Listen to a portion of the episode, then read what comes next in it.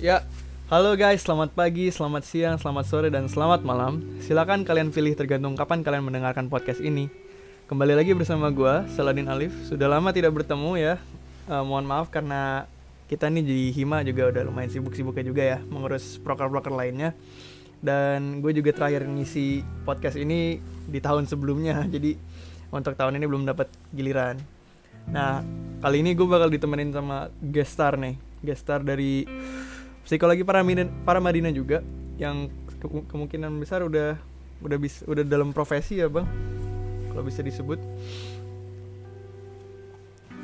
Iya yep, betul. Oke profesi prof, mungkin uh, bisa perkenalan diri diri dulu bang. Oke okay, uh, eh, makasih banyak Salad Saladin. Oke okay, uh, eh, sebelumnya selamat pagi siang sore malam teman-teman yang mendengarkan podcast ini. Perkenalkan nama gue Morteza biasanya sih panggil Teza, Teja, atau Ja gitu. Gue dari mahasiswa psikologi di Paramadina. Sekarang lagi mahasiswa akhir lagi ngurusin skripsian dan kebetulan gue lagi nyoba uh, nyambi-nyambi sharing nih di sosial media terkait solusi stres. Kayak gitu sih Sal. Oke.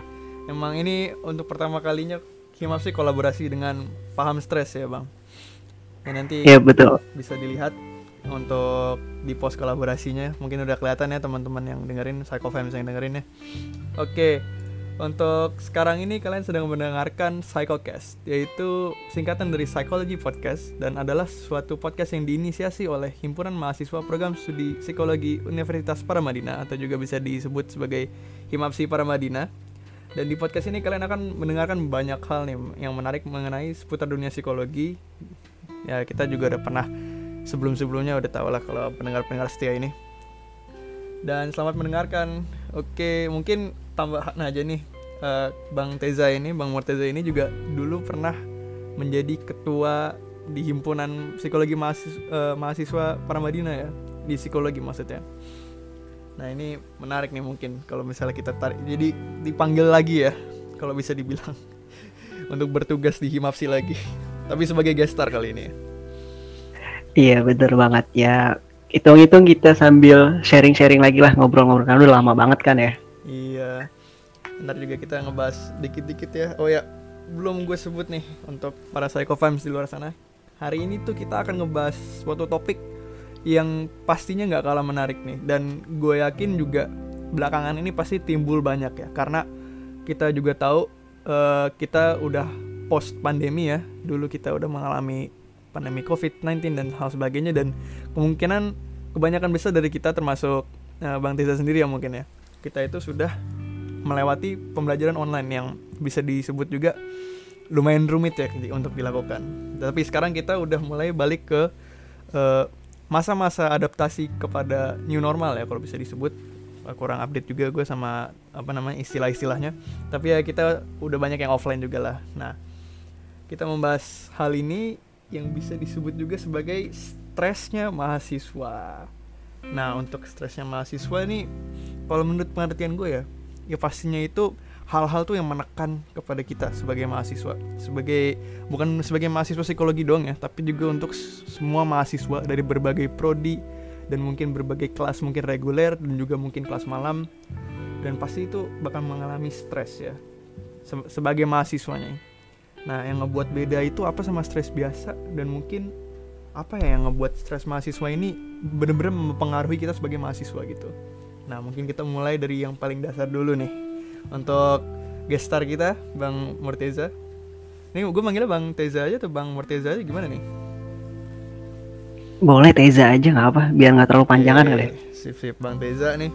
Uh, stres secara umum itu dulu deh kita jangan ngebahas mahasiswanya aja. Stres secara umum tuh apa ya? Oke makasih banyak. Sal uh, sebelumnya makasih banyak juga kepada teman-teman dari pengurus MAPSI yang udah uh, mempercayai gue buat uh, kita ngobrol-ngobrol nih. Bukan buat uh, ngajarin ya kita ngobrol-ngobrol aja ya, apa yang gue tahu. Itu uh, gue coba sharing. Nanti kalau misalkan ada tambahan dari Sal boleh kita sharing-sharing lagi kayak gitu. Karena kan siap, siap. Uh, sambil belajar juga dan kita juga nambah wawasan ilmu kan di luar ini perkuliahan. Bukan, bukan kelas ya maksudnya ya bang. Ini kita ngobrol-ngobrol aja gitu. Harusnya sih tadi ada sesi curhat dari para audiens ya tapi karena eh, banyak kesibukan ya di Himapsi jadi belum sempat lagi. Tapi ya untuk sementara kita berdua dulu aja ya bang ya. Mungkin untuk selanjutnya. Oke, siap Sal. Mungkin nanti nextnya uh, bakal diomongin lebih lanjut di balik layar ini aja. Mungkin Pak Amstres yang ngajak kolaborasi Himapsi selanjutnya nih untuk mengumpulkan apa curhatan gitu ya. curhatan dari mahasiswa di Paramadina gitu. Boleh nanti coba uh, kita pikirin lagi konsep di balik ya. layar ini. Iya. siap, siap. Kita fokus di pembahasan kali ini dulu aja tadi. Udah menarik banget sih yang udah dijelasin Sal terkait mulai dari pandemi terus akhir-akhir men- menimbulkan stres. Sebenarnya stres juga kan nggak cuman ada di mahasiswa ya. Betul. baik orang-orang di pekerja atau di ibu rumah tangga tuh pasti ngalamin stres apalagi kemarin pas situasi pandemi yang mana bisa dilihat perubahan hidup tuh hampir 180 derajat sampai 360 derajat berputar beda banget Mhm. kalau kita lihat dari mahasiswa tadi udah Sal jelasin mulai dari cara pembelajaran kita sebelumnya tuh nggak kenal banget sama yang namanya Zoom mungkin kalau Betul. Google Meet eh, pernah lihat kali ya tapi nggak pernah nih cara gunainnya gimana sih Mm-mm. gitu. Tapi setelah ada pandemi langsung oh ternyata belajar online begini loh. Oh ternyata begini. Ternyata ada positif, ada negatif, ada capeknya kayak gitu-gitu deh. Oke, kalau kita ngelihat gambaran secara umumnya nih, eh, kita coba ngeliat dari data dulu aja kita main data ya karena kan kalau misalkan main opini takut Psikologi kan harus empiris ya, empiris harus berdasarkan Ah. data. setidaknya ada data nih yang ditampilin, ada yang data yang bisa dikasih tahu. Karena kalau cuman pakai opini aja takutnya nanti blunder. Akurat, Kalau ada- ya. Ah, ah. Oke, kalau kita ngomong dari data, kita coba ngelihat dari uh, WHO, Organisasi Kesehatan Dunia, Hmm. itu ngejelasin kalau 350 juta penduduk di dunia ini itu ngalamin stres dan ternyata penyakit stres ini itu memperingkati posisi di posisi keempat di dunia. Jadi itu kan bisa dikatakan posisi yang tinggi ya, maksudnya Cukup tinggi sih. cukup pastinya. cukup tinggi banget karena empat loh dan itu semua penduduk dunia kalau kata WHO itu mengalami stres kayak gitu. Semuanya, Terus? ini semuanya maksudnya Eh, ya semuanya. kalau ngeliat penduduknya, gue kurang tahu sih berapa penduduk di dunia Oke, sekarang oke. ya. Tapi kalau yang gue baca itu 350 juta penduduk, Ya, bisa dikatakan cukup banyak loh 350 juta penduduk. Udah Kayak Indonesia ya. lebih loh kayak gitu. Mungkin ya, mungkin lebih. Mm-mm. Oke, eh, kalau ngelihat dari penelitian lain, gue coba dari yang di mahasiswa ya. Itu ada penelitian dari eh, di sini nggak disebutin sih dari mananya, cuman di sini dia melibatkan teman-teman mahasiswa yang dinyatakan kalau misalkan eh, ada tingkatan stres dari mahasiswa itu sekitar 38% sampai 71 71%. Ini kalau menurut gue sih hampir setengahnya ya. Hampir. Ya, hampir Iya, tapi ya. di sini nggak dijelasin nih stresnya karena uh, uh, stres belajar online atau belajar di perkuliahan atau tugas-tugas atau stres karena uh, organisasi itu nggak dijelasin dia cuma dijelasin secara umumnya aja kayak gitu sih Sal kurang lebih kurang lebih seperti itu ya kalau berdasarkan data yang sudah diperoleh ya iya oleh Betul sekali. Ini. Oke. Berarti bisa disebut hampir 50% atau hampir setengah lah, hampir setengah banget ya. Mahasiswa tuh pasti ngelang- ngalamin stres ya. betul banget Nah, itu kan itu kan baru datanya aja ya. Data Mm. data kasarannya aja. Tapi kita belum tahu nih sebenarnya tuh stres tuh apa sih? Gue juga masih takut salah-salah nih. Gue walaupun udah semester 5 nih takut masih salah. Definisi stres itu apa sih yang bener-bener menjadi definisi stres gitu loh. Mungkin bisa gue Oke. tanya lagi ke Bang Teza nih. Iya benar banget Sal Uh, mungkin tadi kalau dilihat dari setengah dari mahasiswa 50 persennya ya mungkin ada yang nggak ngerasa kali ya ini sebenarnya gue lagi stres apa enggak sih kayak gitu nah coba kita lihat dari uh, definisi atau penjelasannya stres itu apa sih sebenarnya stres itu kayak gimana sih Hmm. kalau misalkan uh, gue ngacu dari APA atau American Psychological Association ini biasanya anak-anak psikologi udah familiar banget nih sama Pastilah. APA wajib bukan familiar harus wajib. ya kan nah mungkin untuk teman-teman yang lain uh, bisa familiar juga karena kan sekarang kayaknya uh, artikel-artikel atau informasi kesehatan mental tuh makin marak gitu loh oke baik lagi jadi kalau stres itu simpelnya aja itu ketika kita mendapatkan respon secara fisiologis. Misalnya uh, detak jantung kita nih kayak deg-degan terus. Hmm. terus kayak tiba-tiba berkeringat nih. Atau kalau secara psikologis nih dari dalam itu kayak khawatir kayak takut cemas ya? Khawatir, kayak cemas juga. Tapi juga bisa kayak senang gembira tuh juga bisa termasuk gitu loh. Oh berarti ada positifnya juga ya? Kalau iya jadi nggak cuma yang negatif aja. Hmm. oke. dari situ dari respon-respon yang itu itu terhadap tekanan nih. Tekanan itu bisa dari dalam diri kita atau di luar diri kita di luar diri kita. Jadi tekanan itu nggak hanya dari dalam tapi bisa dari luar. Dan biasanya stres itu bisa mempengaruhi perasaan kita. Tadinya bisa jadi tadinya lagi senang-senang tiba-tiba lagi kayak sedih. Langsung tindakan gitu kita- ya, iya tiba tindakan kita tuh bisa kayak misalkan jadi malas-malesan atau gara-gara stres bisa jadi rajin banget jadi ngepush banget Hmm. nih kayak gitu. Paham paham paham. Kira-kira contohnya gimana tuh yang yang negatif mungkin udah udah kita masih udah tahu lah. Kayak yang negatif tuh pasti tiba-tiba ngedrop ngedown terus tiba-tiba mungkin nggak nggak ada suasana hati yang bagus atau mood yang bagus untuk misalnya makan atau melakukan aktivitas nih kalau misalnya kita lagi stres. Tapi kalau yang tadi kan juga disebut sama bang Teza ada yang positif ya. Itu contohnya kayak gimana ya bang? Gue juga masih agak bingung-bingung nih. Oke, kalau yang positif eh, mungkin gampang kalau karena kita lagi ngebahas mahasiswa, biasanya mahasiswa nih eh, sangat relate banget nih sama namanya kayak presentasi. hmm ya ya Sangat Pasti relate banget kan. pasti banget ya. Pasti, pasti ada tuh namanya presentasi depan kelas atau presentasi. Kalau mungkin ada teman-teman yang masih kelas online, presentasi di dalam Zoom meeting Zoom. atau Google Meet.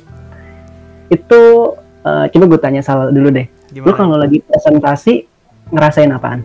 Deg-degan nggak? Kayak misalkan eh, takut nggak nih? Misalkan nanti gue takut salah nyampein atau Hmm. ada yang kurang. Pernah ngerasain gitu nggak?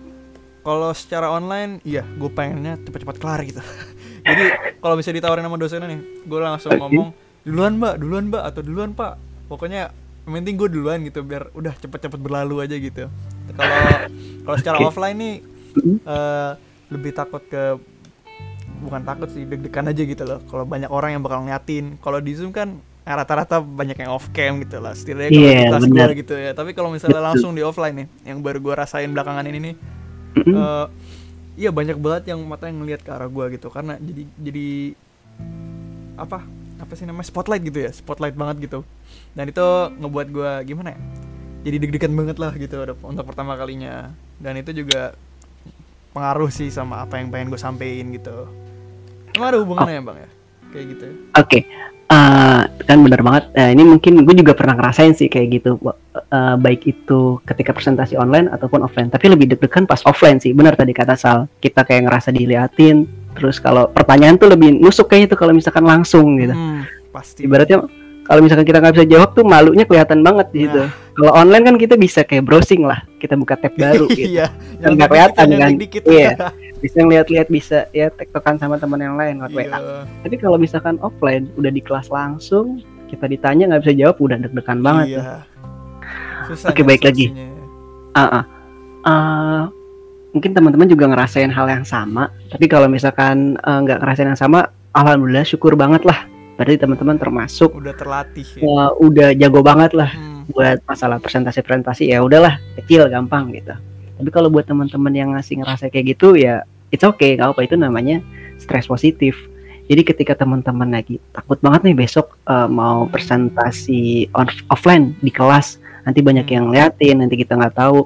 Stres positif itu maksudnya kita jadi secara nggak langsung kita jadi ngepush diri kita nih buat belajar. Misalkan gimana sih cara ngomong supaya nggak terbata-bata. Karena kan biasanya kalau orang udah deg-degan, udah takut tuh muncul kayak tiba-tiba keringetan, terus ya, kan banget, ya, ya, terus tiba-tiba ya kayak ngomong jadi kayak eh, terpatah-patah atau jadi kayak ngeblank banget. itu yang paling parah ya kayak gitu jadi secara nggak langsung pas kita lagi ngalamin takutnya itu sebelum presentasi itu bisa dikatakan stres positif. Jadi kita ngepush diri kita nih buat Hmm. motivasi gimana nih caranya buat eh, ketika nanti tampil presentasi itu nggak muncul kayak deg-degan. Hmm. mungkin muncul ya tapi nggak terlalu muncul banget gitu loh. Jadi bisa dikurangin kontrol gitu ya bang? Iya betul.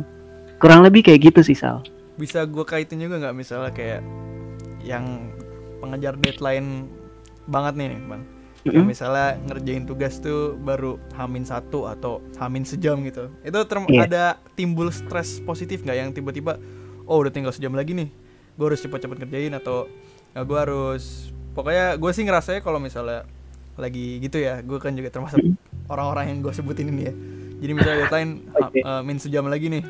Jadi jadi tam- tambah cemas tapi jadi tambah cepet gitu gua kerjanya dan banyak juga walaupun mungkin bisa didebatkan ya hasilnya itu Iya.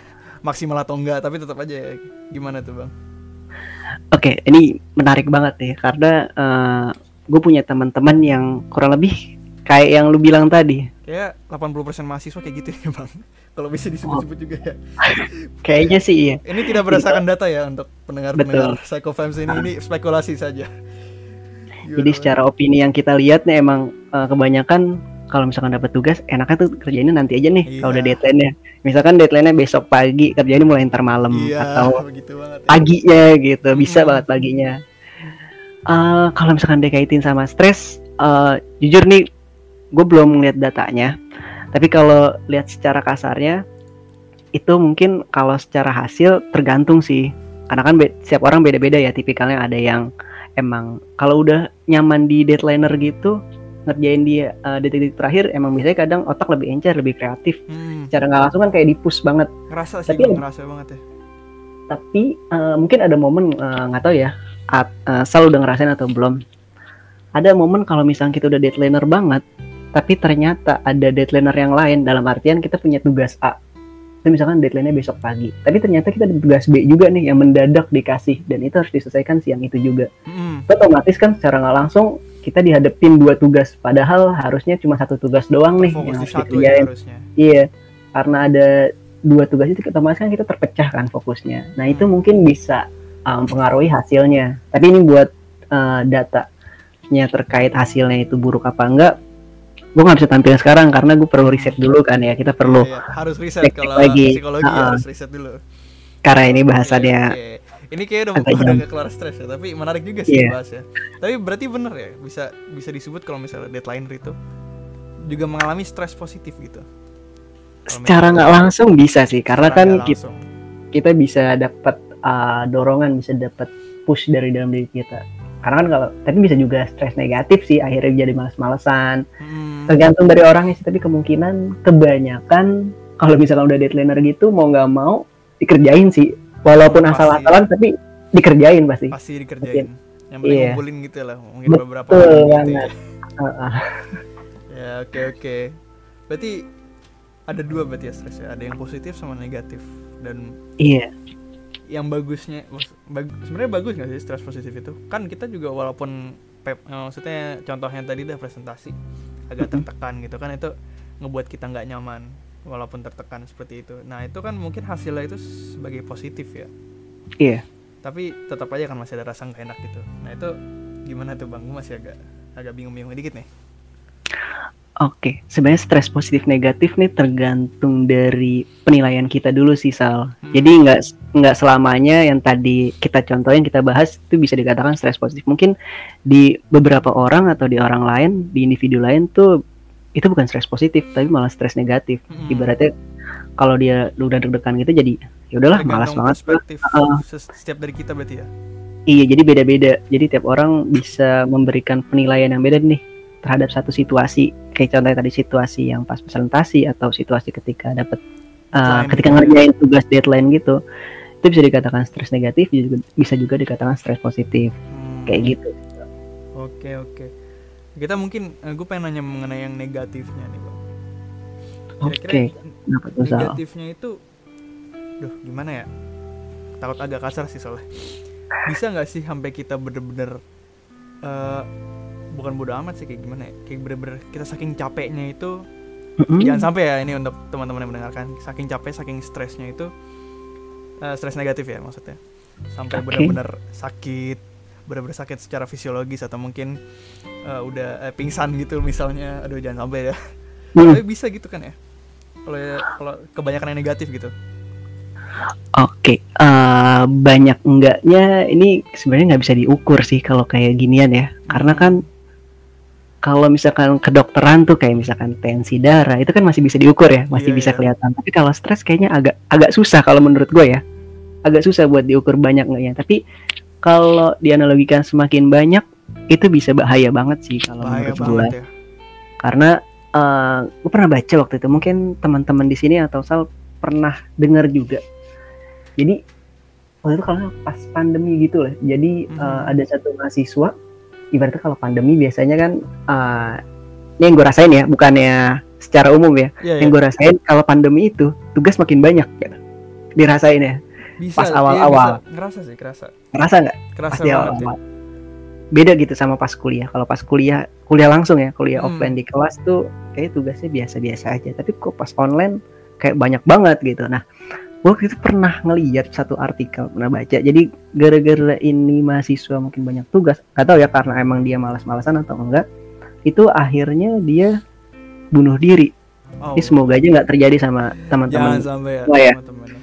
Nah itu jadi bahayanya kalau misalkan udah dipendem banget, udah nggak bisa dicari solusinya, itu bahaya banget stres negatif Hmm. karena bisa bisa nimbulin yang parahnya banget ya itu bunuh diri. Tapi mungkin uh, kalau rentetan lainnya bisa mungkin jadi depresi, jadi nggak fokus buat ngerjain sesuatu, akhirnya tingkatnya atas stres berarti ya bisa dibilang. iya bisa nggak muncul lah buat cara-cara nyelesainnya. Tapi paling parah itu Gitu. bisa bunuh diri gitu. Bisa sampai situ. Wah, Mm-mm. juga berarti ya. Berarti bisa disebut juga nih, stres itu bukan hal yang bisa kita sepelekan ya. nih. Kita kita harus benar-benar apa ya, perhatiin nih stres kita kayak gimana. Maupun itu positif secara positif atau secara negatif, benar-benar kita harus perhatiin ya. Kurang lebih kayak gitu ya, Bang. Betul banget Sal. Oke oke. Nah, kita langsung ke topik satu lagi nih. Maksudnya topik yang menyempurnakan buat mahasiswa nih. Stresnya tuh gimana nih?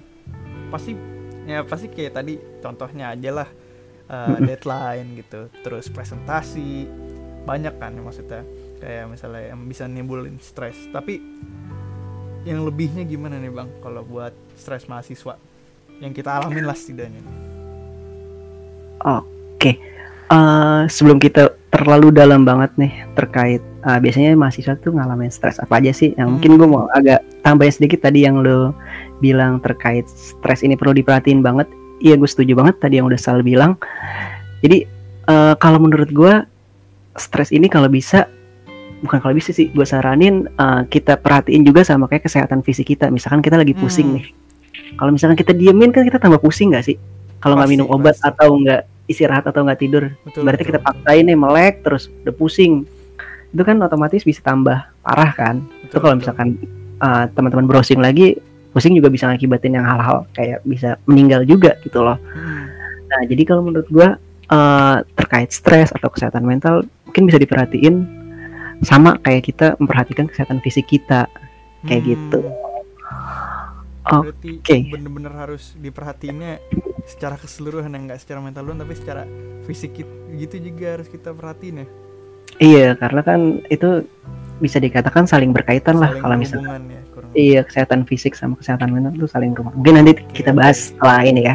Oke oke. Sip sip Oke. ya. Gimana bang untuk yang topik selanjutnya nih? Tadi soal yang tanya terkait stres mahasiswa tuh biasanya ngerasain apa aja sih? Hmm. eh mungkin sini ku coba ada beberapa bagian. Eh, Mungkin pertama dulu nih ya. Biasanya itu mahasiswa yang tadi udah dijelasin di awal sih, kayak adanya tugas-tugas tuh udah sangat relate banget. Hmm. Nggak ada namanya kalau kuliah nggak ada nggak ada tugas tuh nggak mungkin tuh. Mungkin sangat banget ya. tidak mungkin. Heeh, Mau minimal ada malam pun tugas. pasti ada ya. pasti ada. Pasti. Mau tugas disuruh nulis, disuruh ngetik, disuruh baca, tetap aja tugas kan. Ibaratnya gue dapet aktivitas baru nih dari perkuliahan dari kelas disuruh Betul. baca doang kayak gitu nah itu bisa ngebuat mahasiswa jadi stres baik itu stres positif atau stres negatif Oke. jadi itu tergantung dari individu atau orang itu sendiri nih gimana uh, menyikapi atau gimana menilai situasi yang didapat atau yang diperoleh. Kayak gitu. Oke. eh kalau misalnya kita kaitin dengan pengalaman sebelumnya misalnya sebelumnya kan kita eh, mungkin ada yang dari SMA atau ada yang dari SMK mungkin ada yang dari diploma juga bukan dari sarjana. Ibarat dari diploma mau ke sarjana nih. Tiap orang punya pengalaman beda-beda. Nah mungkin gue gue coba sharing dari pengalaman gue nih ya. Gue dari SMA masuk ke perkuliahan yang mana SMA tuh kalau dilihat dari tugasnya tuh nggak terlalu berat-berat banget kayak perkuliahan gitu. Hmm, setuju ibaratnya banget, setuju banget. eh, satu-satu lah kalau biasanya itu kalau di SMA gue dapetnya ya. Satu selesai itu biasanya agak lama baru dapet tugas lagi. Jadi sangat jarang banget tugas tuh tugas di luar kelas ya. Karena kalau kuliah tuh kebanyakan tugas di luar kelas. Udah dapat tugas di dalam kelas, tugas di luar kelas juga ada lagi. Mm. Kayak gitu. Nah, ketika masuk kuliah tuh kan kayak butuh adaptasi nggak sih? Gimana nih Pasti caranya buat ngerjain tugas-tugas yang banyak itu dan pastinya eh tugas-tugas kan bermacam-macam. Mungkin ada tugas presentasi, tugas baca jurnal bahasa Inggris, Nah, tugas resume jurnal dan lain-lain. Intinya tugas-tugas yang mungkin ada yang beda dari pas SMA atau di pengalaman sebelumnya, di pendidikan sebelumnya. Nah, itu kan tergantung lagi tadi mau nyikapinnya stres positif atau negatif. Kalau Hmm. yang stres positif ya kurang lebih ya kita akhirnya nge-push nih diri kita. Misalkan contohnya Tambah termotivasi Nah. bisa ya gitu. Tambah termotivasi, jadi tambah ada dorongan nih gimana cara nyelesain tugas itu. Eh, kalau gue kaitin sama diri gue, eh gue termasuk orang yang bisa dikatakan nggak terlalu mahir banget dalam bahasa Inggris. Jadi ya setengah-setengah lah. Jadi kalau misalkan dapat tugas yang berkaitan sama bahasa Inggris, misalkan baca jurnal bahasa Inggris, suruh eh, ngeresum jurnal bahasa Inggris, itu gue butuh effort lebih tuh. Mungkin kalau dari beberapa orang, kalau emang udah yang enak sama bahasa Inggris, udah mahir banget bahasa Inggris, dia baca ah lah langsung bisa artiin otaknya tuh teng gitu langsung. Tapi kalau gue perlu gue lihat dulu, gue baca dulu Perlu gitu pelan-pelan. iya. Heeh. itu kan otomatis bikin stres kan. Nah, Mm. alhamdulillahnya gue nyikapinnya kayak stres positif. Jadi gue nge-push diri gue gimana nih caranya supaya ini tugas nih bisa selesai nih. Bodo amat lah mau dapat A B C D. Yang penting gue coba dulu aja nih. Misalkan gue pakai Google Translate atau gue lihat kamus atau gue nanya temen gue yang lebih jago. Mm. Dari situ kan yang penting kan tugas gue selesai, gue dapet nilai udah. Yang penting gue udah usaha nih. Udah ada Kayak usahanya gitu. yang penting ya. Betul. Kurang lebih kalau misalkan kita ngeliat dari stres akademik nih, itu biasanya disebut stres akademik yang terkait sama tugas-tugas kuliah. Kurang lebih kayak gitu sih Sal. Mungkin Sal punya eh, pengalaman yang sama atau pengalaman yang beda nih? Jadi Karena kan stres secara akademik ya. Gimana? Mm-mm.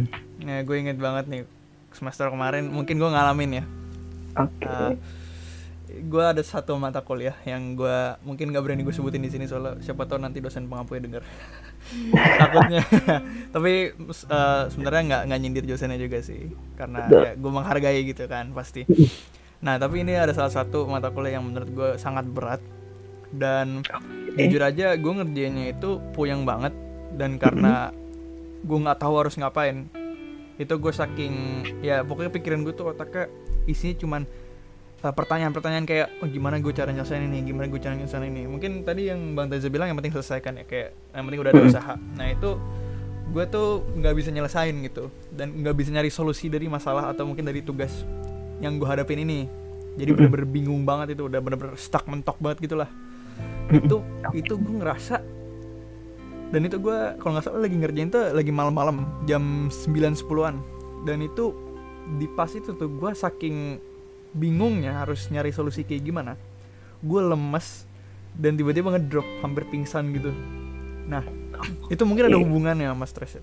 Kalau menurut gue sih pasti ada ya hubungannya stres karena gue inget banget waktu itu duh kayak pikiran bener-bener terbebani gitu. Sampai bener-bener kerasa lemesnya gitu loh. Sampai sampai segitunya gitu. Karena satu tugas ini doang. Padahal sih tugas dari mata kuliah lain aman-aman aja tapi untuk yang ini gue nggak bisa sama sekali nggak bisa cari solusi dan gue ngerasa kalau gimana ya usaha gue kurang gitu. Nah itu mungkin bisa dikaitin sama stres negatif ya. Iya. bener-bener gue inget banget ngedrop banget kondisi badan gue di hari selanjutnya. Bangunnya udah agak lemes juga. Terus walaupun tugasnya udah selesai ya udah Mm-mm. udah gue ada ca- cari cara lah buat selesaiin tetap masih kerasa gitu eh, pengalaman yang hari sebelumnya itu. Gila sih sampai pingsan hampir pingsan sih lemas aja gitu. Oke oke iya cukup parah banget sih. Nah itu secara nggak langsung ya kalau kita balik mundur tadi itu bisa dikaitin tuh sama kesehatan fisik. Jadi kalau kita Hmm. udah capek banget, padahal cuma satu mata kuliah loh ya. Mm-mm. Ibaratnya mata kuliah yang lain, padahal tugas-tugas itu masih bisa kita handle, masih satu bisa kita aja selesaiin. ya.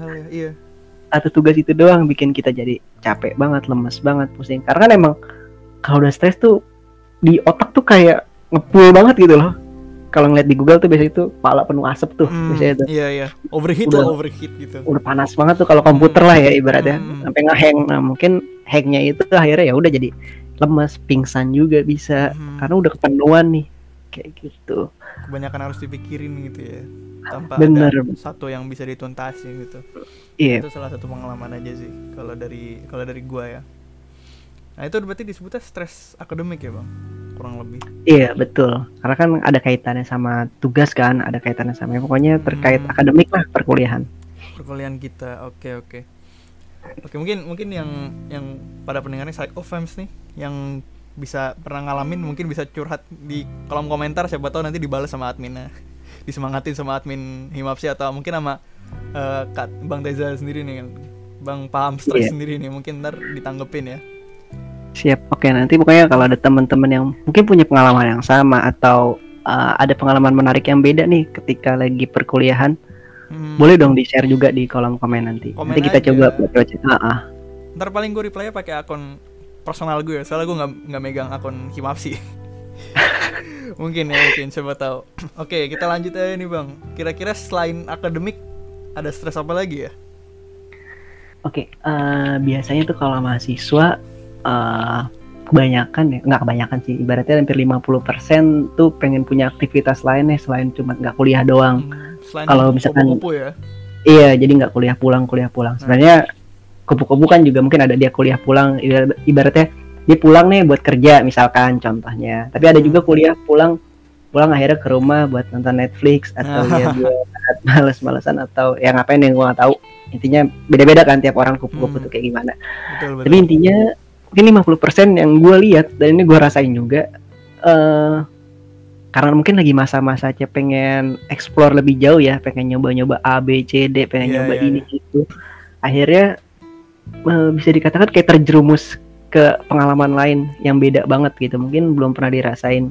Kayak contohnya ke organisasi. Mungkin di Nah. SMA nggak terlalu banyak ya terkait organisasi-organisasi. Walaupun mungkin udah dikenalin kayak OSIS kalau yang di SMA betul. tapi kan nggak terlalu banyak kayak yang di perkuliahan di perkuliahan tuh banyak banget loh organisasi banget mulai ya. mulai dari organisasi yang himpunannya terus dari BEM-nya Hmm, atau dari kayak yang berangkat dari hobi-hobi misalkan Iya. gue suka kegiatan sosial nanti bisa masuk ini kayak gitu sih jadi ini eh, simpelnya stres ketika lagi berorganisasi sal namanya. Stres sedang berorganisasi. Saat Iya, sedang jadi- berorganisasi ya. Iya stres berorganisasi kayak gitu. Kira-kira Jadi- bedanya dari akademik apa nih bang? Kalau gue bisa tanya. Eh, bedanya ini kalau lihat dari situasinya udah kelihatan beda banget dong ya. Ibaratnya kalau stres akademik tuh berarti kaitannya sama perkuliahan, kalau stres berorganisasi ya berkaitannya sama ya dunia organisasi itu sendiri kayak gimana sih? Karena kan tugas di tugas di organisasi atau peran di organisasi dan tugas di kelas tuh kan beda banget kan. Pasti. Yang nggak bisa yang nggak bisa buat ditarik benang merahnya buat dikait-kaitin agak beda. Makanya stresnya bakal muncul yang sendiri nih. Contohnya eh, tadi yang udah Sal bilang di awal-awal banget, Hmm, gue pernah jadi ketua Himapsi, itu benar Hmm. banget. Nah itu kan otomatis eh, Himapsi ini kan satu organisasi kan ya. betul Karena gue masuk ke dalam lingkungan tersebut, otomatis adalah eh, proses-proses atau hal-hal yang gue rasain kayak contohnya di saat itu ya ngalamin stres. Karena waktu itu gue ngalamin eh, situasi yang nggak dialamin situasi sebelumnya pandemi. Itu nggak pernah ada iya, pertama, oh ya kalau dipikir pertama kali ya Iya tuh. bang Teza jadi ketua ngalamin pandemi waduh Mm-mm. pasti Jadi itu berat kan, banget itu ya bang ya buh, bukan berat lagi tuh. Udah campur aduk dah. Udah, udah kuliah online, terus Iya. organisasi online kayak jadi, aduh, shock banget gua ya pastinya ibaratnya nggak ada role model atau contoh yang bisa gua Iya. contoh yang harus gue ikutin gitu positifnya apa nih kalau online negatifnya apa Hmm. apa yang bisa gue dapet pelajaran waktu itu eh ternyata tarik ulur lagi wah jauh banget pandemi saat itu waktu pandemi flu pandemi apa? Udah lama banget dan Wah, itu kayaknya ya. para Madinah belum ada deh kayaknya. Kayak gitu. Udah lama banget ya yang Spanish flu kalau nggak salah ya. lupa dah. Iya. Pokoknya itu deh pokoknya udah lama banget pandemi. Nah intinya di situasi itu eh wah tuh muncul ada mungkin ada stres negatif juga kayak mungkin gue sebagai ketua jadi malas-malasan tuh muncul tuh. Hmm. Muncul tetap muncul. Ya nggak bisa dipungkiri juga lah namanya manusia kan ya. Malas-malasan atau kayak uh, pengen leha-leha tuh pasti ada. Nah, ketika ada Iya, situasi itu gue sempat ada di uh, situasi yang kayak gitu tuh. Ketika lagi situasi pandemi gue sebagai ketua ketika ngadepin aduh online nih. Itu jujur sebelumnya gue sempet kayak ngobrol-ngobrol gitu sama pengurus gue asal jadi kita punya plan. Biasanya kan kalau organisasi punya plan awal kan ya namanya raker raker. Ya ya pasti ada. raker di awal Di awal buat plan selama setahun ke depan kurang lebih organisasi mau gimana nih? Mau punya Hmm. apa aja? Acara-acaranya kayak gitu. Itu gue udah udah gue rundingin tuh sama pengurus gue dan itu situasinya belum ada covid. Oh berarti dua kali raker ya? Mm-mm, ada covidnya Hmm. covidnya belum masuk Indonesia tuh. Waktu itu masih di Cina kalau nggak masih di Ya, Wuhan. masih dah. 2019 ya?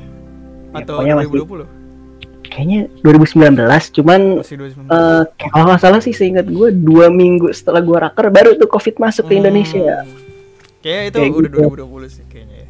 Nah, gue masih SMA pas itu nggak tahu gue.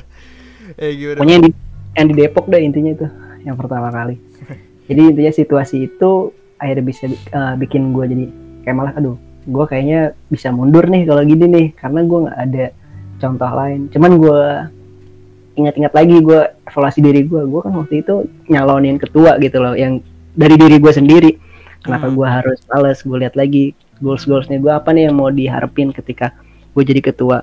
Nah dari situ eh dari gue diri gue pribadi secara nggak langsung bisa munculin stres positif. Sebenarnya panjang sih. Dari stres negatif ke stres positif itu prosesnya agak panjang. Gue ada mulai ngeliat goals goals gue terus ngeliat visi misinya terus ngobrol-ngobrol sama yang lain. Walaupun mereka nggak punya eh, contoh di sebelumnya ibaratnya tapi kan ibaratnya gue bisa tukar pikiran nih kalau menurut Hmm. dia seperti apa jadi gue bisa ngambil lah ya. hal-hal baiknya iya jadi gue nggak capek sendiri gitu loh gue nggak mikirin sendiri padahal kan gue punya teman-teman atau punya pengurus gue yang mungkin bisa gue ajak diskusi ajak ngobrol-ngobrol karena kan kalau masalah tuh kalau menurut gue ya masalah tuh kalau misalkan kita ada pincuman sendiri tuh kayak capek banget sumpah Iya, harus diomongin lah gitu ya. Mm-mm. makanya di situlah perlunya uh, orang-orang atau teman lain atau orang lain Setuju banget, setuju banget.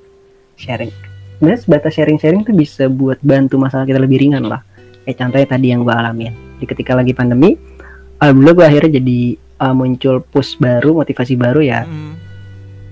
akhirnya gue nantangin diri gue nih buat gimana caranya supaya bisa tetap uh, organisasi ini jalan walaupun di situasi yang pandemi kan nggak mungkin ya kalau kita mungkin. apa kan organisasi sebelum sebelumnya itu jalannya offline mulu tapi pas ada Pertama kali online waktu pandemi pasti jalan. Mm-mm, gitu kayak- kan.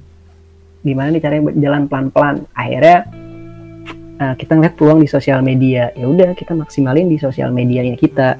Jadi kita kan mau nggak mau kan di saat itu orang-orang pasti beralih ke sosial media. Nggak mungkin dia nggak mungkin dia eh, nggak ke sosial media. Karena kan kehidupan offline-nya udah sangat diatur ketat gitu di saat itu.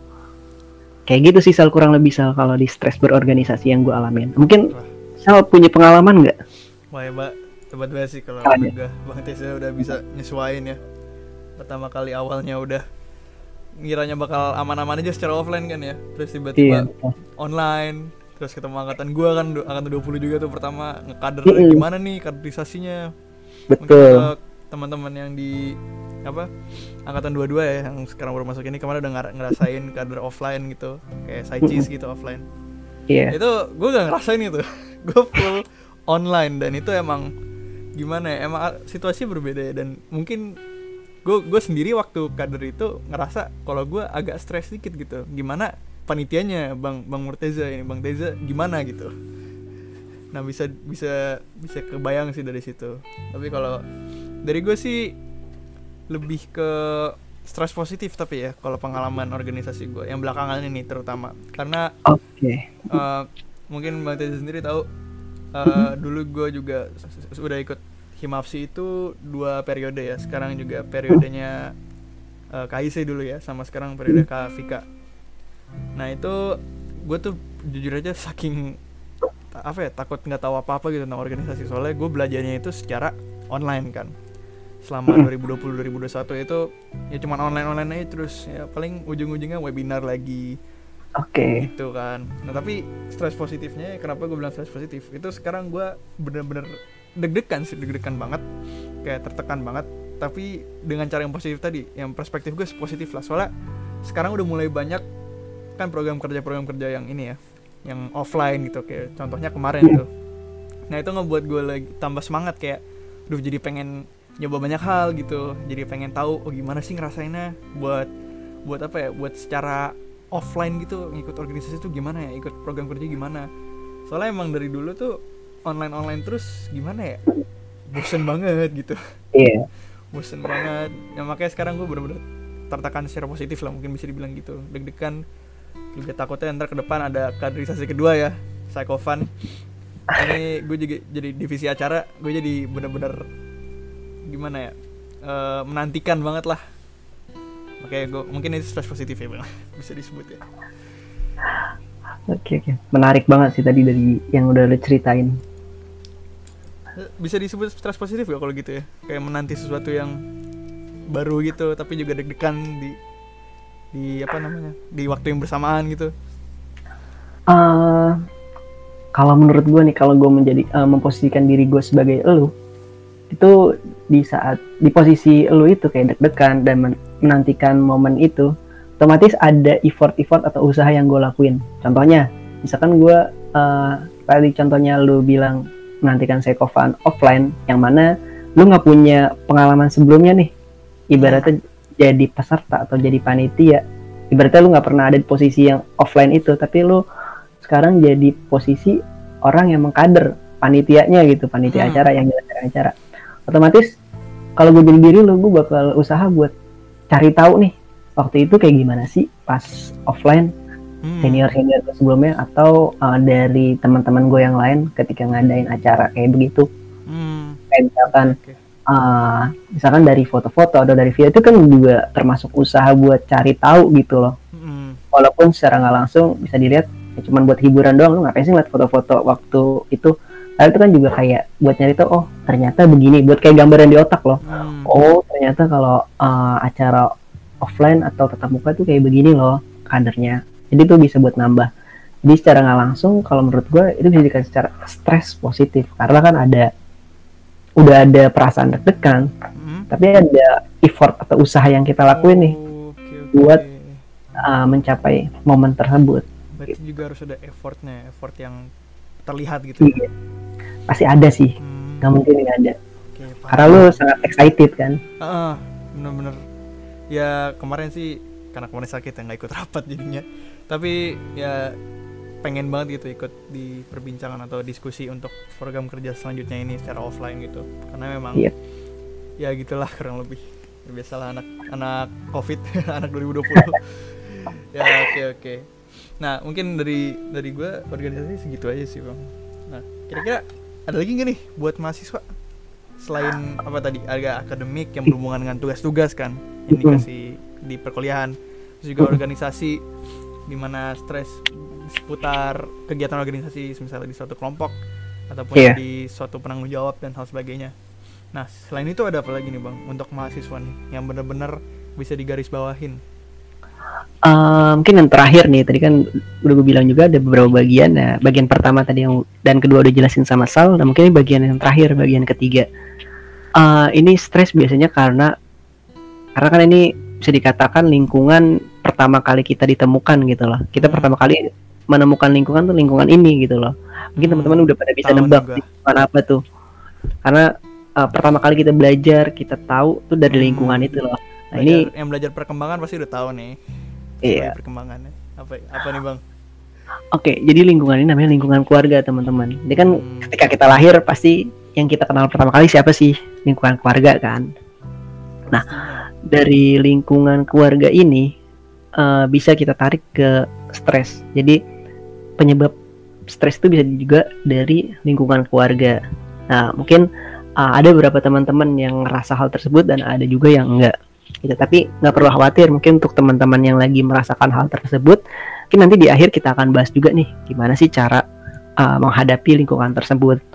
Oke, uh, gambarannya kalau misalkan buat teman-teman atau yang belum tahu nih, kok bisa sih lingkungan keluarga bisa jadi stres? Padahal kan harusnya lingkungan keluarga tuh adem ayam bisa suportif, tapi realitanya nggak begitu loh. Ternyata ada juga beberapa keluarga yang nggak suportif gitu loh Hmm. dalam artian misalkan uh, anaknya mau A tapi orang tuanya mau B. Akhirnya kan nggak muncul benang merah nggak muncul Hmm. tengah titik tengahnya. Beda-beda kan. Nggak ada persetujuan gitu lah ya. Betul. Itu kan bisa secara nggak langsung.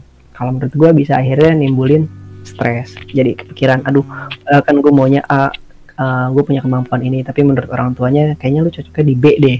Hmm. karena di A B C D. Nah itu secara nggak langsung bisa munculin stres. Nah mungkin eh, contoh lainnya kalau misalkan eh, untuk mahasiswa karena di perkuliahan ini kan pastinya butuh biaya kan buat perkuliahan. Nah, mungkin untuk teman-teman yang beasiswa nih nggak relate nih terkait keuangan ini. Karena mungkin ada yang di cover sama beasiswa dan lain-lain. Hmm. tapi sebagian besar ya. uh, secara mayoritas kan pasti membutuhkan biaya namanya perkuliahan. Nah itu bisa juga tuh buat uh, diri kita jadi stres kalau misalkan uh, kita terhambat dari keuangan, pembayaran-pembayaran di kampus-kampus itu, itu bisa buat uh, kita kondisinya lagi jadi stres. Misalkan contohnya pas COVID kemarin deh, COVID kemarin tuh semua uh, sektor-sektor salah satunya kayak bagian di perekonomian tuh sangat anjlok banget, sangat naik Pasti, turun ya. tuh di situ tuh pasti banget ya.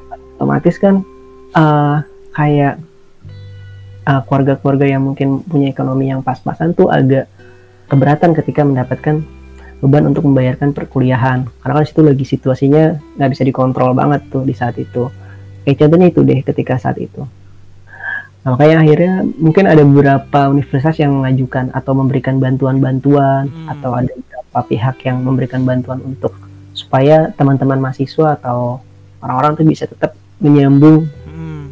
ya gitu belajar loh. ya bisa belajar di perkuliahan lagi gitu Jadi ya kurang lebih gambarannya stres karena keluarga tuh kayak karena itu gitu loh. yang mungkin dampaknya besar banget ya Hmm. Iya betul. banget Wah, ini kalau, kalau udah bahas keluarga banyak sih pasti pengaruh stres stresor stresornya kalau stresor itu pasti pengaruh apa penyebab stres itu disebut stresor ya bang kalau Iya, gue ya. nah mungkin gue sharing dikit pengalaman gue eh, dengan keluarga ya nah eh, gua- dulu itu waktu zaman zaman online ya 2021 kurang lebih banyak ada beberapa program kerja himapsi ini yang eh, offline gitu. Dan Oke. gue ada beberapa di mana eh, waktu itu covid itu juga lagi naik naik juga kalau nggak salah ada varian baru. Mm-mm. gue nggak bisa nggak dibolehin ikut gitu.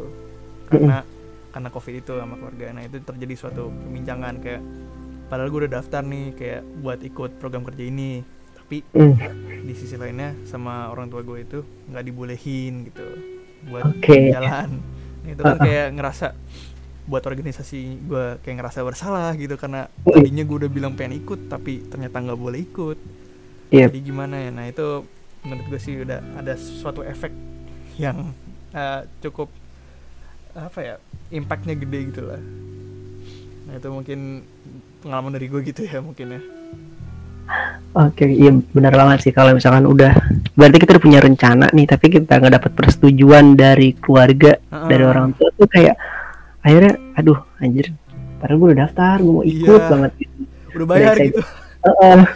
malah gue udah bayar udah bayar buat pendaftarannya gitu kan aduh ya kan nah itu akhirnya kan kayak buat kita aduh jadi kayak ngejelek banget gitu loh kayak ngedown betul gitu. banget bang Eh, mungkin kalau pengalaman gue alhamdulillah sih belum ada tapi kalau gue ngeliat eh, yang yang gue alamin yang gue lihat gitu yang gue observasi yang gue lihat eh, waktu itu pas gue jadi ketua di Himapsi Hmm, itu kan kondisinya emang pandeminya orang-orang Parah banget pada pada apa ya? Bisa dikatakan takut sih gue juga takut sih waktu itu. Karena kan angka kematiannya naik terus nggak Iya. turun-turun. Ya kan siapa sih yang nggak takut sama mati Iya. gitu loh. Dari saat itu eh gue di awal-awal kayak teka-tekaan gitu sal kayak ngotot gitu loh karena walaupun lagi eh, covid gitu gue harapannya tetap bisa jalan juga nih organisasi Hmm. waktu itu sempet kayak masih ada fundraising gitu ya gitu ya Iya, masih ada harapan dan gue sama beberapa teman-teman pengurus gue yang alhamdulillah masih bisa eh, apa ya bisa diajak diskusi, bisa ngobrol-ngobrol sama keluarga dengan baik. Hmm, Mereka tuh ngikut gitu. Jadi waktu itu gue ada agenda fundraising. Fundraising tuh ibaratnya kita nyari dana lah, iya, nyari paham, duit paham. nih buat eh, keberlangsungan organisasi kita, bukan buat jajan-jajan kita, tapi Iya. buat gitu. Jadi proker-proker gitu lah ya uh, uh, kita ngeluangin waktu buat dapat duit itu. Hmm, Nah di awal-awal pandemi tuh ada kayak namanya fundraising jadi penonton bayaran Hmm. kayak gitu jadi kita Oh, nonton nonton acara terus dapat duit kayak gitu ya mungkin duitnya nggak seberapa tapi kan kalau menurut gua sa- di saat prosesnya itu tuh kayak seru kayak gitu loh Hmm. tapi kan kondisi lagi pandemi kan gua nggak bisa maksain tuh semua orang harus ikut pengurus gua Iya, iya. jadi gue balikin nah kalau tadi dikaitin sama cerita lo eh, yang mana gua udah punya usaha buat daftar buat Hmm. bayar tapi ternyata orang tua gue nggak ngizinin itu kalau gue kaitin sama ada namanya sesuatu yang bisa kita kendaliin ada atau sesuatu yang bisa kita kontrol ada yang nggak bisa kita kontrol kayak Hmm. contohnya tadi Gue ketika bisa tebak kita- nih.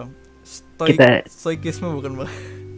ah Bisa- ini bisa dikatakan kayak gitu mungkin Ah. untuk teman-teman yang udah paham banget tuh udah mahir tuh kayak gitu-gitu tapi Hmm. ini Stoikisme kan- gitu ya. mm, panjang banget nih kalau dibahas intinya sih kalau tadi ngeliat dari cerita lo yang bisa dikenalin kan otomatis ya yang rencana-rencana tadi itu otomatis mau nggak mau ya gimana nih caranya supaya uang di cancel uang gue bisa balik gimana caranya Hmm. tapi yang nggak bisa kita kontrol ya kayak tadi orang tua ngomong A orang tua ngomong B nggak ngizinin ya udah mau Nah, gimana Yang lain gitu. Masa masa kita apa ngelonjak gitu ke orang tua kan kan malah tambah Iya. parah nanti tambah panjang ya. Mm-mm. Jadi ya kalau nggak bisa dikenalin ya udah relain aja gitu kan ya bang. ya. iya betul sekali Ya, oke oke. Ya, banyak buat berarti ya. Selain itu ada lagi nggak bang nih kira-kira yang dengan hubungan dengan keluarga? Eh, kalau yang gue tahu sementara ini baru itu sih Sal kayak gitu mungkin nanti kalau ada teman-teman lain yang ngerasain hal beda sama sih kayak tadi boleh lah kita ngobrol-ngobrol di kolom komentar atau Boleh nanti ya. cari uh, forum yang lebih deep lagi karena kan biasanya kalau masalah-masalah kesehatan mental tuh uh, nggak semuanya bisa dibicarakan secara umum kan ya Hmm, pastinya. Atau enggak Kayak DM gitu. ini aja kalau kalau Himaf sih kayaknya belum bisa ya. Dan gue juga belum memiliki izin untuk misalnya eh, ngasih tahu teman-teman pendengar nih, pendengar Psycho Vibes podcast ini untuk DM Himaf sih gue belum dapat izin itu dari ketua dan juga humas. Apa mungkin ini karena kita kolaborasi ya bang ya? Mm-mm. dengan Himapsi Paramadina dengan paham stres. Kira-kira untuk teman-teman yang mau curhat nih, untuk audiens kita yang mau curhat ke kakak paham stres ke Bang Teza ini langsung gimana bang? Oh itu boleh banget. Nanti Boleh banget. uh, teman-teman kalau misalkan teman-teman mau kok uh, komen dulu di postingan juga boleh. Nanti kalau emang mau lebih dalam lagi, nggak apa kok kita bisa obrolin secara personal. Bukan maksudnya yang enggak enggak ya. Kita Iya ya. uh, untuk sharing-sharing dan cari nih solusinya gimana kalau misalkan menghadapi situasi yang seperti itu Curhat kayak kecil gitu. curhat kecil aja kali bang. Atau mungkin mau kita promosiin salah satu program ya untuk teman-teman di Paramadina ya. Oh iya boleh Eksklusif banget tuh Paramadina Oh, ya. untuk teman-teman teman di para Madinah. Universitas Paramadina ya. Jadi ada Mm-mm. suatu program namanya peer counseling nih. Betul. Nah ini ini sebatas untuk teman-teman Universitas Paramadina aja. Jadi untuk butuh teman ngobrol, teman untuk curhat, di mana pasti kerahasiaannya itu pasti udah dijamin ya, dijamin Betul. banget eh, aman gitu sama konselor-konselornya. Itu ada bisa di- di- didaftarkan ya. Mungkin dari podcast ini udah naik, yang teman-teman yang dengar pengen curhat, mau seserius apa pun pasti ditanggepin ya kan ya bang ya. Betul. Pasti. Dan yang dengerin ini itu pasti udah lulus mata kuliah konseling. Jadi udah bisa disebut uh, capable ya atau udah sanggup lah gitu ya bang. ya.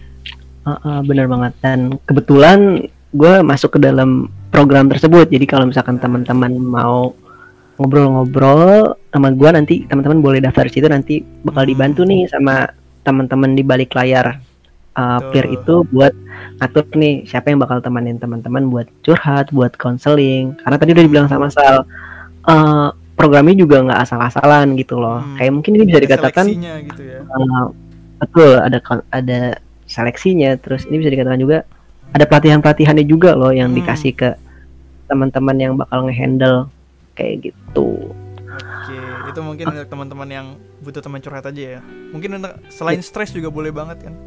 Oke. boleh banget kok pokoknya kalau teman-teman punya masalah sih kalau menurut gue pribadi jangan dipendam sendiri deh Betul banget. coba cari uh, Suatu solusinya sarana, misalnya Suatu sarana Betul. untuk mengeluarkannya gitu ya. kayak ngobrol tapi ngobrolnya sama orang yang tepat ya karena kan kalau misalkan ngobrol sama orang yang salah nanti jadi bocor kan repot Tambah- jadi masalah Tambah lagi lagi kan ya. Uh, Tambah uh, lagi pikirannya. Oke oke, mungkin itu promosi sedikit ya dari program eh, dari eh, psikologi Pramadina ya, program psikologi Betul, Pramadina. Oke.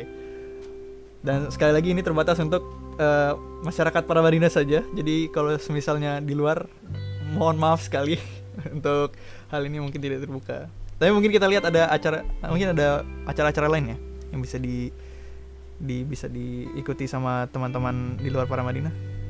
Mungkin kita uh, lihat nanti. mungkin nanti bakal diinfoin lagi aja kali ya. Siap, nanti kita siap. tunggu aja. Pasti lihat aja deh pos-pos Himapsi, siapa tahu kan. Oke. Betul. Selanjutnya kita udah ngebahas nih tentang tiga ya. Satu itu yang akademik. Ini gua gue rinciin dikit aja lah. Gue evaluasi Oke. ulang. Akademik itu tadi berhubungan dengan tugas, dengan perkuliahan.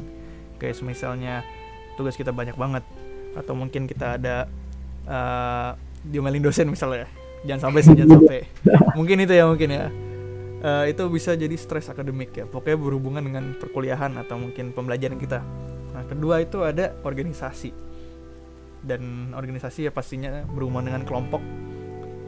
Ya mungkin ada mm, gimana ya perselisihan dengan anggota anggota organisasi lainnya. Atau mungkin ada hal yang salah eh, tidak sesuai dengan keinginan kita di dalam organisasi. Nah itu bisa masuk ya stres dalam organi- organisasi ya Terus yang ketiga itu ada aspek dari hubungan keluarga, yaitu ya tadi misalnya pengen ke kampus buat ketemu teman atau mungkin ke kampus untuk eh, kegiatan organisasi gini, Mm-mm. tapi dilarang gitu sama orang tua. Kita kan nggak bisa ngelonjak juga kan ya.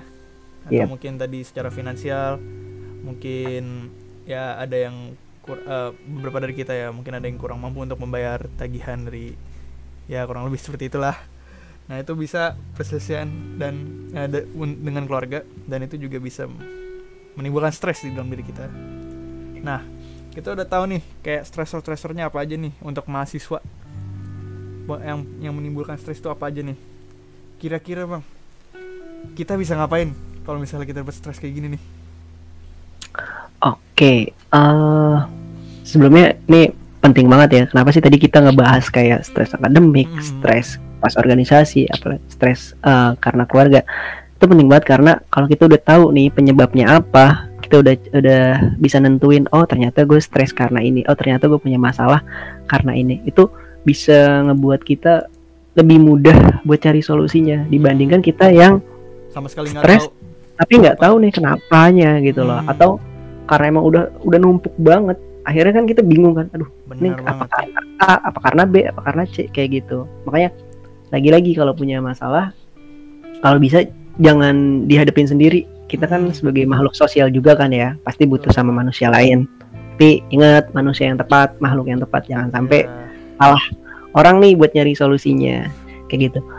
Oke eh, baik lagi kalau buat kalau misalnya udah tahu nih penyebabnya apa apa sih yang membuat kita eh, jadi stres? Eh, ini nanti bakal gue coba bagi-bagi eh, poin-poinnya jadi nggak Oke. cuman secara umum aja tapi gue coba secara khususnya gitu tapi kalau secara umumnya simpelnya ini gue ngambil dari eh, teorinya Lazarus dan Volkman ini mungkin teman-teman psikologi udah pernah dengar kali ya walaupun gak familiar tapi setidaknya pernah dengar atau pernah baca nih pernah lihat oh ini loh nama tokohnya familiar lah, kayak gitu. familiar lah. karena biasanya kalau psikologi tuh banyak tuh nama-nama tokohnya kayak gitu. Banyak kan. oke. Aduh. kalau menurut uh, Lazarus dan Volkman ini ada dua ketika kita udah tahu penyebabnya nih apa sih yang bakal kita lakuin? Yang pertama tuh ada namanya problem fokus. Jadi nih ketika kita udah ngadepin masalah itu udah tahu penyebabnya kita langsung nih cari caranya gimana sih? Ibaratnya langsung eksekusi lah. Hmm. misalkan kita langsung uh, buat to-do list. Misalkan kita punya masalah A caranya A B C D. Terus kita cari mana nih yang uh, bagus buat kita lakuin kayak gitu. Hmm. atau minus plusnya mana. Berarti kita langsung take action gitu gampang ya. Tapi yang kedua ada nih uh, emotional focus. Ini mungkin uh, teman-teman pernah ngelakuin ini tapi secara nggak sadar. Gue juga pernah sih dan gue baru tahu oh ternyata ada juga loh teorinya kalau Hmm. misalkan gue lagi begini. Jadi ketika kita lagi stres lagi ngadepin satu masalah itu nggak langsung kayak nyari solusinya nih kita coba eh, mencairkan perasaan kita dulu kita kan kalau lagi ada masalah kalau lagi stres tuh kayak puyeng banget kayak deg-degan banget kayak cemas banget Hmm. tapi kita coba cari uh, alternatif lain kita coba tenangin diri kita dulu karena Hmm. kadang-kadang kalau udah uh, kayak gitu udah nggak udah nggak belum tenang nih kita agak susah tuh buat nyari solusinya jadi gerbak-gerbuk dan bingung Hmm. gitu loh tapi kalau udah tenang kan biasanya agak lebih Jadi chill lebih kayak langsung enjoy buat mikirin solusinya gitu ya kita tenangin diri dulu Mm, nafas dulu lah intinya. Betul. Ya jadi ada yang kedua tuh namanya itu. Jadi misalkan kita Netflixan dulu atau YouTubean dulu ya berarti buat tenangin diri kita. Tapi ingat jangan lama-lama. Karena udah kelamaan nanti Malah tuh masalahnya nanti muncul lagi. Ya. Heeh, malah jadi masalah baru. Jadi ini ada Betul dua yang dijelasin sama Lazar Volkman dan mungkin eh, ini gue nggak bisa nyaranin mana yang bagus atau mana yang enggak. Tapi boleh dicoba aja satu-satu persatu kira-kira mana nih yang lebih cocok sama diri gue karena kan kalau misalkan nggak dicoba kadang tuh kurang serak gitu loh kalau menurut gue Oke, oke kayak gitu sih Sal kalau secara gambaran umumnya gitu lah. umumnya untuk stres ya. Oke Mm-mm. kalau untuk yang mahasiswa nih bang gimana nih bang?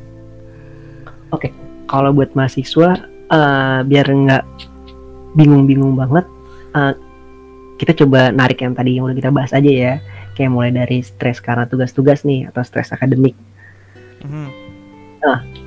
buat solusinya kalau menurut gue dari beberapa referensi literatur yang gue baca itu kita harus tahu dulu lagi nih karena kan misalkan contohnya nih gue stres karena tugas tugas itu kan banyak ya Hmm. banyak-banyak jenis ya. Dan kalau kita gali lagi, kita cari tahu lagi, tugas itu juga ada penyebabnya yang beda-beda. Misalkan tugasnya sulit bisa buat kita jadi stres. Hmm. Terus Oke. uh, misalkan juga karena materinya kita nggak suka atau misalkan maaf maaf ah, mungkin ini ada juga yang ngalamin kita nggak suka nih sama orang yang nyampein materinya itu juga bisa bikin kita jadi Hmm. stres kurang jadi kurang Akhirnya kita nggak bisa. kita ya kalau misalnya Ah, ah. materinya gitu nggak bisa ngerjain tugas atau kita kurang suka sama metode orang tersebut atau dosen atau guru tersebut yang ngajar itu juga bisa jadi eh, yang pertama kita harus tahu dulu kenapa nah ini gue coba bagi jadi dua yang tadi gue udah jelasin kalau misalkan eh, tugas atau masalah itu sulit buat kita ngerjain karena emang kita nggak suka nih kita nggak suka misalkan sama mata kuliahnya atau kita nggak suka sama orang yang ngajar ya Mhm. yang pertama sih kalau menurut gue jangan ngindar karena kalau dalam perkuliahan tuh pastinya harus ada SK, ya. ada SKS yang perlu kita selesain ada mata kuliah yang perlu kita dapat nilai lulus gitu loh intinya. Hmm. walaupun pas-pasan. Jadi eh, kalau menurut gue jangan ngindar. Jadi tetap eh, tantang nih diri kita gimana caranya sih supaya bisa nyelesain sebisa kita. Tadi misalkan Bisa kita contohnya ya. eh, ya usaha-usaha yang menurut kita bisa lah. Misalkan kita tanya orang atau kita menggunakan tanya Google. Karena kan sekarang eh, alhamdulillah generasi sekarang tuh udah bisa dipermudah lah kalau menurut gua dibandingkan akses ke informasi ya. Mm-mm. generasi-generasi sebelumnya. Yang penting kita pinter-pinter aja nih cari informasi karena kan kebanyakan informasi juga kurang baik kan. Sekarang bisa Betul, dilihat lah banyak banget. informasi yang uh, bisa dikatakan kayak hoax-hoax atau berita yang kurang baik Kurang berita valid. yang kurang benar nggak ada valid nggak ada kredibelnya gitu lah intinya. Jadi Ah. perlu dicari-cari lagi. Yang gitu yang pertama. Terus kalau yang kedua katanya uh, kalau tadi kan kita nggak suka nih sama tugasnya.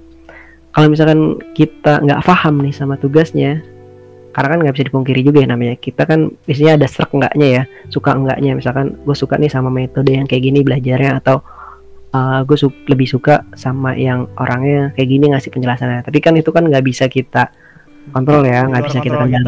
kita lah ya, kita bahas yang pertama ya kita nggak usah nyalain tuh orang karena kan tiap orang juga punya uh, apa ya cara ngajar yang beda-beda Hmm, terus pastinya. cara ngobrol atau komunikasi yang beda-beda dan nggak bisa kita salahin juga. Yang bisa kita apa namanya kita kendaliin ya kita cari cara nih solusinya. Contohnya kalau gue pribadi biasanya ya gue cari orang lain nih. Misalkan gue tem gue punya temen dan itu menurut gue dia orangnya cukup uh, paham sama materi itu karena dia punya catatan yang banyak dan cara dia transfer knowledge itu juga bagus ke orang lain. Jadi kenapa enggak gue ambil dari dia ilmunya gitu loh? Ibaratnya gue nggak bisa ambil ilmu dari dosen gue atau guru gue ya udah gue ngambil ilmu dari teman gue karena kan ujung-ujungnya sama teman gue ngambil ilmunya dari mana? Dari dosen itu kan dari guru tersebut kan. Jadi gue coba uh, belajar dari orang tersebut. Jadi Hmm. dia ngejelasin ke gue kayak gini gini gini gini loh. Kayak cari gitu gambaran kita yang nggak usah langsung ke dosennya. Kalau misalnya kita nganggap dosennya itu uh, penjelasan dia kurang masuk ya kita cari teman yang udah ngerti gitu ya betul iya tuh solusi yang paling gampang lah. Solusi paling gampang banget. Oke oke. Kayak gitu tuh mungkin kalau dari stres akademik ya. Oke. Mungkin bisa itu langsung dulu kali. ini teman-teman ya untuk psychofams yang mendengarin nih. Apalagi Mungkin- untuk uh, maba-maba anak uh, 2022 ya. Bisa banget nih pasti langsung pasti culture shock kan kayak awalnya SMA online terus tiba-tiba sekarang offline ke kampus. Betul. Itu kan ka- agak agak kaget gitu ya betul Nah. sekali terus nih bang yang kedua untuk yang berorganisasi gimana nih bang cara kita ngadepin stres organisasi gimana bang Eh, kalau berorganisasi eh ini gue coba ngambil dari eh, teori juga ada tokoh namanya Kue Gunar nama Gunaria Hmm? tahun 2011 jadi eh, beliau ini memberikan solusi yang cukup unik kalau menurut gue karena dia oh iya eh, ngebuat akronim Jadi- Hmm. dari stres ini S T R E itu dia buat kepanjangan misalkan dari S yang pertama S yang pertama ini dia buat jadi kepanjangannya study skills Hmm. study skills ini simpelnya eh, kita sebagai mahasiswa karena kita punya yang tadi udah dibilang di awal-awal kita punya eh, rasa penasaran atau rasa ingin coba-coba tuh banyak gitu loh Hmm, yang kuat ya Tapi di- lebih. Iya, tapi di sisi lain kita punya waktu kita punya waktu tuh sangat sempit, sangat singkat gitu loh. Karena kita kan harus kuliah, kita harus ngelakuin ad- ya, pekerjaan rumah yang lain gitu. Ah, Makanya kita perlu punya study skill ini gimana caranya supaya kita bisa belajar dengan efektif. Dan tujuannya karena kan tujuan kita kuliah pastinya kebanyakan ya. Hmm. mayoritas tuh pasti bukan buat ber- berorganisasi tapi emang buat belajar benar-benar jadi mahasiswa gitu. Makanya goals awal kita kuliah tuh harus tahu dulu. Jadi study skill tuh ibaratnya gimana nih cara belajar yang efektif. Jadi kalau misalkan emang kuliahnya udah aman ya kita mau ngikut organisasi mau ikut kegiatan lain pun insya Allah aman karena kan emang tujuan awalnya udah udah aman nih kayak gitu Ah, gambarannya oke oke, oke. paham paham Eh, terus kalau tadi kan udah bilang ya, jadi kayak dia bu- buat kepanjangan. Tadi kan S yang pertama, ini ya kalau stres ya. kan berarti huruf keduanya kan berarti T. Hmm. T itu kalau menurut eh, beliau itu tuh adalah time management. Jadi di sini sangat penting banget gitu loh gimana cara kita buat ngatur waktu, bukan ngatur waktu doang ya, tapi ngatur nih mana yang penting dan mendesak banget buat kita lakuin. Karena kan kalau misalkan nggak penting dan nggak mendesak, ngapain kita lakuin? Hmm. Contohnya kayak scrolling scrolling sosmed, lihat-lihat di sosmed atau ngeliat TikTok. Itu kan sebenarnya penting nggak penting nggak sih? Mungkin penting bagi buat teman-teman yang pengen tahu informasi baru. Tapi kan di sisi lain tuh sebenarnya nggak sebenarnya nggak mendesak banget. Ibaratnya kalau gua nggak ngelakuin hari ini nggak bakal mengganggu hidup Iya. gua besok gitu loh. Nah itu perlu banget tuh buat di uh, atur lagi time manajemennya. Itu buat contoh aja ya sebenarnya sosmed itu baik buruknya tergantung yang make sih. Hmm, setuju Kayak banget, gitu. setuju banget. jadi gua nggak bisa menyimpulkan sosmed itu buruk jadi nggak usah digunain nggak juga uh, ada Oke, hal-hal oke. baik yang bisa kita ambil dari sosmed tapi intinya uh, kalau balik lagi ke time management ya gimana bisa kita ngatur prioritas kita yang penting Oke, prioritasnya juga termasuk kuliah sama organisasi itu kita perlu prioritasin yang mana dulu gitu ya. Bisa disebut kayak betul banget gitu. itu tiap orang kan mungkin beda-beda ya mungkin ada Hmm. yang ada yang lebih fokus ke kuliah banget kan. Ada yang fokus ke Ah. organisasi banget gitu kan. Nah, betul oke. Selanjutnya apa nih, Bang? Dan kalau selanjutnya berarti huruf ketiganya tuh R jadi dia uh, ngasih itu rest atau Hmm. istilah katakan istirahat karena kan tubuh kita nih kalau misalkan dianalogikan sebagai sebuah mesin misalkan contohnya komputer atau laptop tuh kalau misalkan dinyalain 24 jam terus-terusan Overheat. biasanya sih ada aja kendala-kendalanya gitu loh Baru kemarin gue nih, Bang. secanggih istirahat. apa pun ya ya kan Iya. mau secanggih apa pun tuh pasti butuh namanya istirahat gitu loh. Nah, sama dengan tubuh kita kalau misalkan tubuh kita nggak istirahat, ya otomatis bakal ada muncul masalah-masalah baru loh, atau penyakit baru. Mungkin pengalaman dikit dari gue ya. Pertama Boleh. kali minggu kedua nih kuliah. Kemarin udah sakit. Minggu ketiga deh, minggu ketiga udah sakit. Padahal ya gitulah baru pertama kali masuk offline, mungkin nyesuain ya, tapi lupa buat istirahat gitu, lupa buat eh, tidur yang apa di di waktu yang tepat, tidur cuma 4 jam 5 jam gitu. Nah, itu kan ngaruh banget kan ya. Pastinya ya. Alhasil minggu ketiga ini udah ngedrop tadi kemarin sempet nggak masuk gitu Jangan Ya. kayak gitu ya psychofams ya. Jangan diikutin Betul. gitu. Harus tahu batasan lah.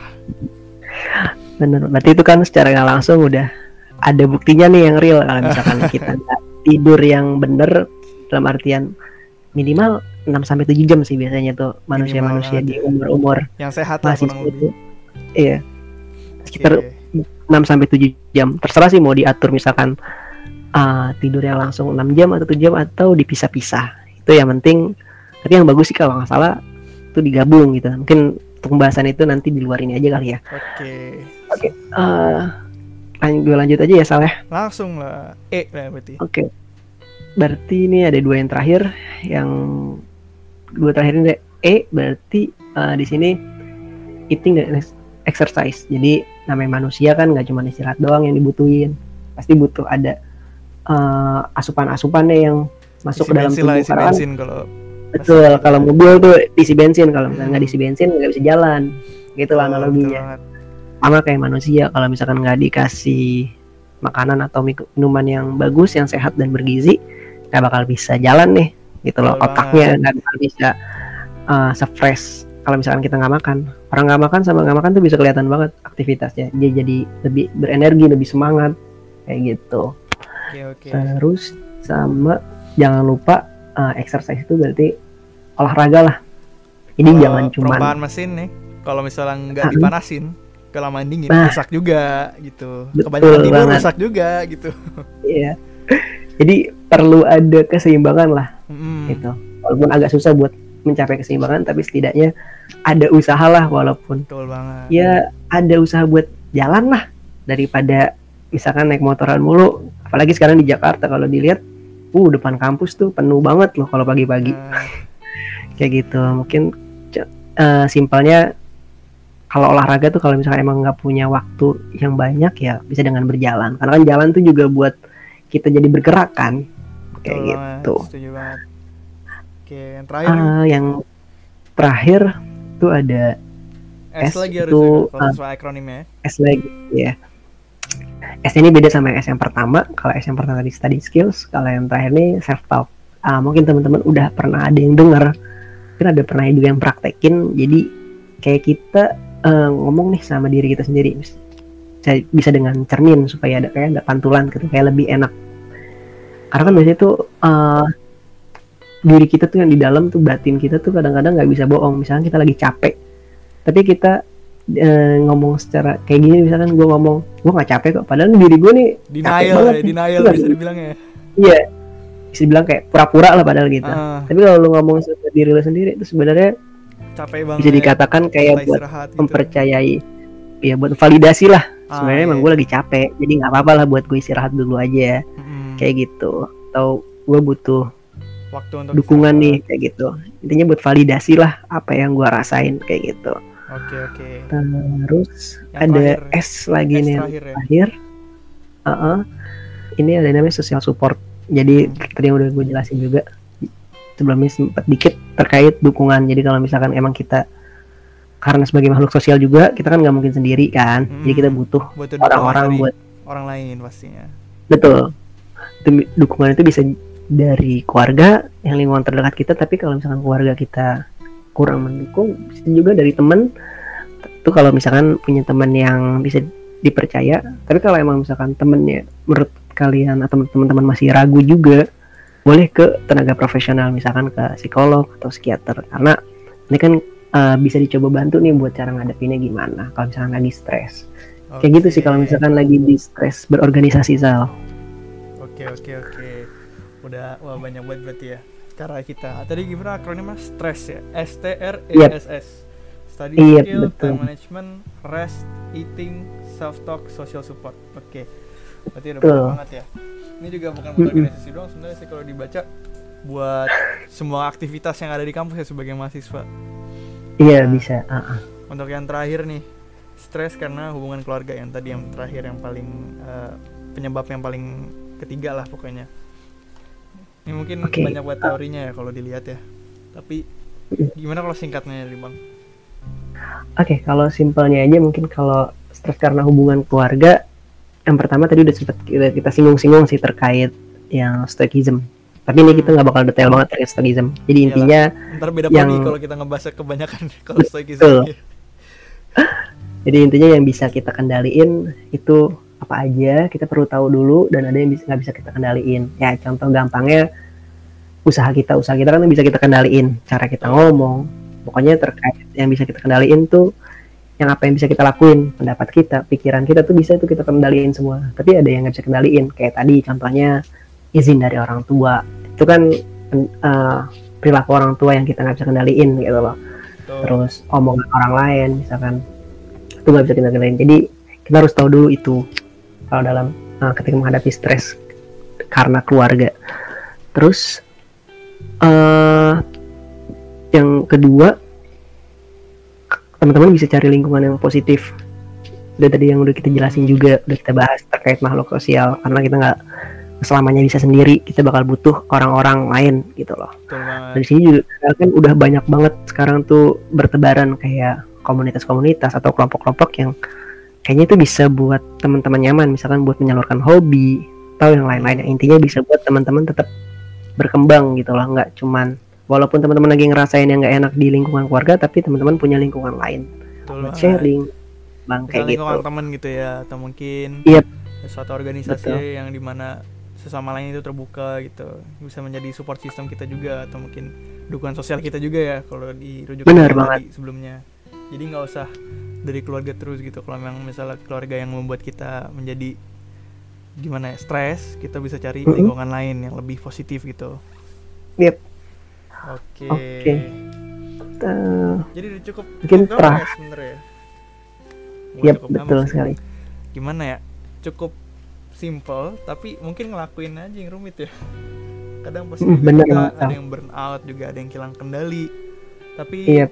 Semoga ya teman-teman atau psychofams yang dengarkan uh, perbincangan gue sama bang Teza hari ini bisa mengingat lah kita kayak kita pertama harus cari apa yang menimbulkan stres kita ini.